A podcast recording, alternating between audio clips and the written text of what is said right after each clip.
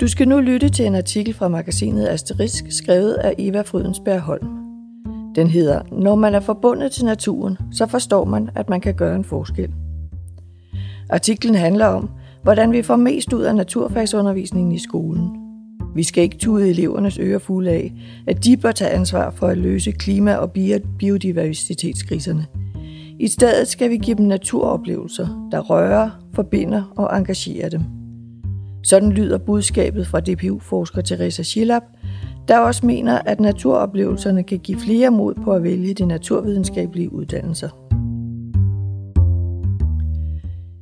Bænkebideren i skjul under stenen i skolegået. En frø, der glupsk sluger et insekt i vandhullet. Vejret, der skifter, og skyerne, der trækker sig sammen i nye formationer på himlen. Det er alt sammen eksempler på naturoplevelser, som burde fylde langt mere i grundskolens naturfagsundervisning. Det mener i hvert fald Teresa Schillab, der er lektor og forskningsleder på DPU, og netop har skrevet forskningsoversigten Naturoplevelser i naturfagsundervisning i grundskolen. Her har hun gennemgået en række skandinaviske og internationale studier, hvoraf flere peger på, at der er store læringsmæssige gevinster ved naturoplevelser i naturfagsundervisningen. Hiver man eleverne ud i naturen, skaber det nemlig mulighed for kropslig erfaring og for at opleve det, Teresa Schillab kalder for situationel meningsfuldhed. Vi mennesker har nogle foretrukne måder at lære på. Det er blandt andet ved at have helkropsoplevelser, ved at være kropsligt engageret og ved at forstå meningssammenhængen gennem sociale kontekster. Den side har ikke været understøttet af didaktikken inden for naturfag, og der mangler systematiske overvejelser over, hvad der sker, hvis man udnytter naturen til at være den arena, hvor man både får kropslig erfaring og opnår en situationel meningsfuldhed. Derfor gik jeg i gang med at undersøge den internationale forskning på området, fortæller Teresa Schillab. Undervisning i det fri kan, ifølge de studier, Teresa Schillab har kigget på, blandt andet give eleverne en ny indgang til miljø og bæredygtighed. Og det er vigtigt i en tid, hvor vi står over for at skulle finde løsninger på nogle meget store globale udfordringer. Biodiversitetskrisen og klimaforandringerne skal løses gennem naturfagene. Og lige nu er der for få unge, der vælger den vej. I stedet for at tude deres ører fulde af, at de er den generation, der skal gøre noget, skal vi inspirere dem ved at involvere dem perceptuelt og ved at få dem til at føle nature connectedness, altså en forbundethed med naturen. Og når først man har en fornemmelse af, at man er forbundet med naturen og er en del af en større helhed, så forstår man også, at man er vigtig og at man kan gøre en forskel, siger hun. Flere af de undersøgelser, som Teresa Schillab har kigget på, viser desuden, at oplevelser og undervisning i naturen kan give eleverne en mere konkret forståelse af, hvad for eksempel klimaforandringerne betyder. Det kan føles meget abstrakt og være svært at forholde sig til, hvilke konsekvenser klimaforandringerne kan få. Her kan det hjælpe at gå ud i naturen og få syn for sagen. Det kan være, at man tegner en streg, der viser, hvor meget havet vil være steget om 20 år, og taler om, hvilken betydning det vil få, og hvilke arter, der vil være truede. På den måde får eleverne en konkret erfaring, og ikke bare en abstrakt information, siger Teresa Schillab, og forklarer, at jo mere kropslig og perceptuel meningsfuldhed eleverne oplever, jo bedre vil de forstå meningen bag, huske det og lære det som viden, de kan vende tilbage til. Mange af de studier, hun har gennemgået, er effektstudier, hvor man har lavet to studier, et inde og et ude, og bagefter testet elevernes hukommelser, hvilke ord de kan associere til, og hvor godt de har forstået sammenhængene. Her viste det sig, at krydder man undervisningen med at komme ud i naturen, så forstår eleverne bedre sammenhængende. De husker bedre, og de har flere ord for det, de har lært. Koblingen mellem sprog, sanseindtryk og egen aktivitet skaber et udgangspunkt for, at man bedre kan forstå det, der bliver forklaret på et teoretisk niveau, forklarer Teresa Schillab, og fremhæver, at der ikke som sådan er noget nyt i det, men at det ikke er blevet udnyttet meget i de naturvidenskabelige fag.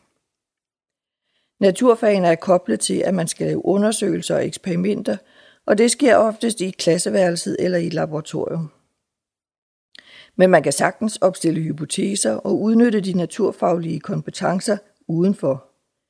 Naturen kalder på børns opmærksomhed, så de faktisk selv får lyst til at danne hypoteserne.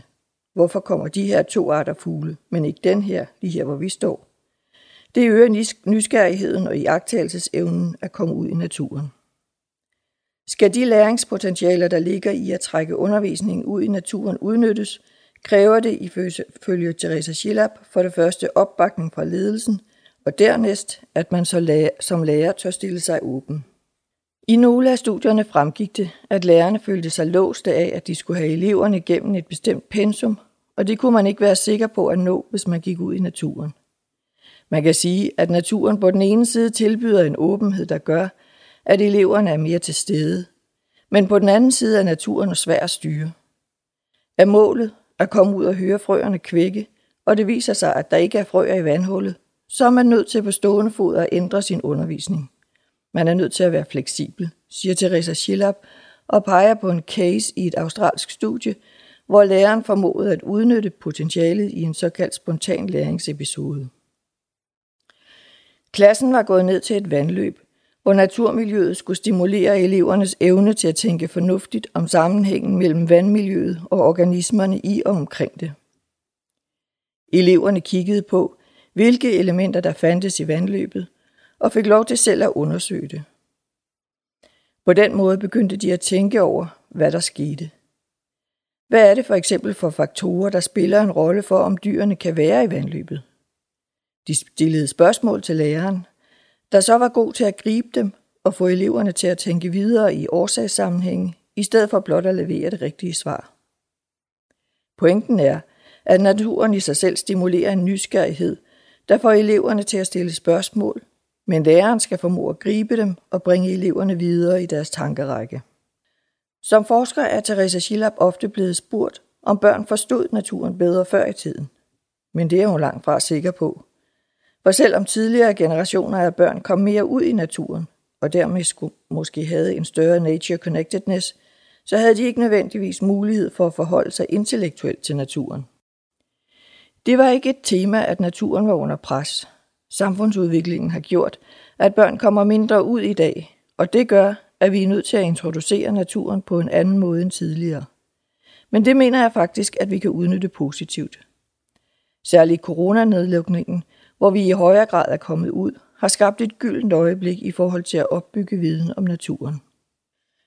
Lige præcis det med at bygge viden på oplevelserne i naturen, mener Teresa Schillab er essentielt, hvis vi skal lære eleverne at passe ordentligt på den.